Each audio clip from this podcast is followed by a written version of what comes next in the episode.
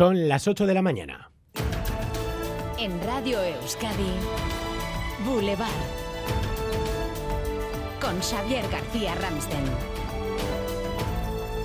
¿Qué tal, Egunon? Hoy arranca en la Audiencia Nacional el juicio por el asesinato al concejal del Partido Popular en Herrentería, Manuel Zamarreño. Más de 25 años después, el ex jefe de ETA, Xavier García Gacelu, e Irán Chugallastegui volverán al banquillo de los acusados. ¿Por qué llega este juicio un cuarto de siglo después, Begoña de Ronsoro. Los integrantes del Comando Donostia serán juzgados ahora porque había incógnitas relacionadas con el atentado que no se habían conseguido esclarecer. Sin embargo, hace cerca de cuatro años, en el 2020, el juez de la Audiencia Nacional, Ismael Moreno, recabó los indicios necesarios que llevan a procesarlos ahora. Además de Javier García Gaztelu, alias Chapote, e Irán Zugayastegui, hubo un tercer implicado en el asesinato, José Luis Gueresta, alias Oker, pero este falleció años después del atentado. La Fiscalía pide para ambos 120 años años de prisión e indemnizaciones de hasta 600.000 euros para las víctimas. Enseguida hablamos en directo en Boulevard con Nayara Zamarreño, hija del concejal asesinado.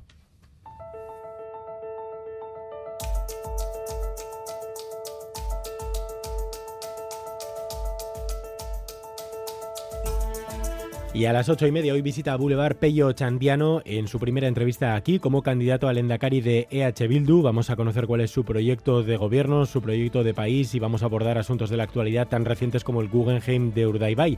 Ayer, eh, aquí también en Boulevard, en Radio Euskadi, preguntábamos a la presidenta del Vizcay Burubachar del PNV, Chaso Atucha, si se paraliza o enfría este proyecto. La respuesta tajante. No, absolutamente no lo que se dijo en campaña electoral se mantiene. Es la misma línea la que ayer el Endacari y Elizabeth Echanove explicaban. No solo no se paraliza, sino que lleva el decalaje que ya estaba previsto desde el principio. Y sobre la ley de amnistía, acuerdo PSOE Junts y Esquerra para incluir en la ley casos de terrorismo cuando no haya intención directa de vulnerar los derechos humanos. Acuerdos que blindan a Puigdemont, a Tsunami Democrático o a los CDRs.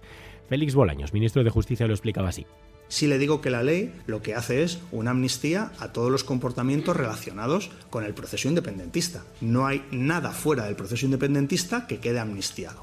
El Partido Popular llevará la ley de amnistía al Tribunal Constitucional cuando se apruebe definitivamente, pero atención a cómo define el Partido Popular al Tribunal Constitucional, como el cáncer del Estado. González Pons. Nuestro problema, más allá de las circunstancias diarias eh, por las que pueda atravesar el gobierno de Pedro Sánchez, las presiones a las que le puedan someter Esquerro Junts, la presencia de Bildu en la coalición de gobierno. Más allá de todo eso, el, gran, el cáncer del Estado de Derecho hoy en España se llama Tribunal Constitucional presidido por Cándido Conde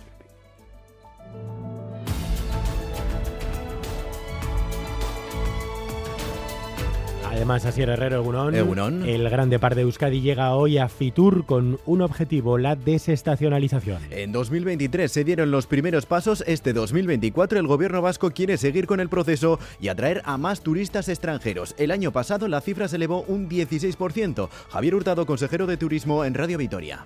Uno de nuestros objetivos es la desestacionalización, es decir, que vengan los viajeros durante todo el año. Eso lo hemos conseguido y lo estamos consiguiendo. Bueno, pues estamos muy contentos porque es uno de los objetivos marcados para que ese turista venga durante todo el año, sus visitantes, y bueno, pues esa repercusión que tiene, económica que tiene para nuestro sector sea durante todo el año. En un stand de más de 195 metros cuadrados, Euskadi lanzará la propuesta para conocer nuestro país en ocho etapas. La huelga de Tuvisa, los autobuses urbanos de Gasteiz, será indefinida a partir de carnavales. Es una decisión que ha salido adelante casi por unanimidad. Hoy a las nueve y media de la mañana los trabajadores valorarán la situación que dejará con servicios reducidos a los gasteiztarras.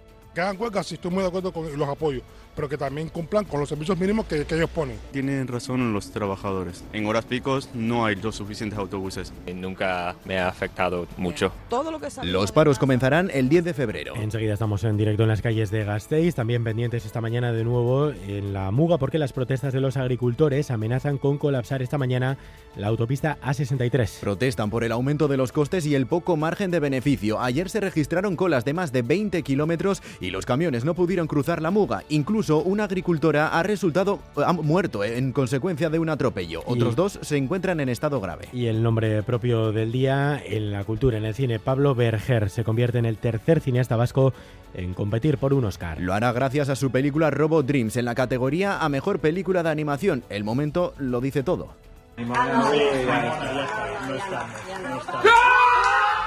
El equipo de la película vivió un auténtico subidón según contaba ya con las pulsaciones más pausadas en Distrito Euskadi.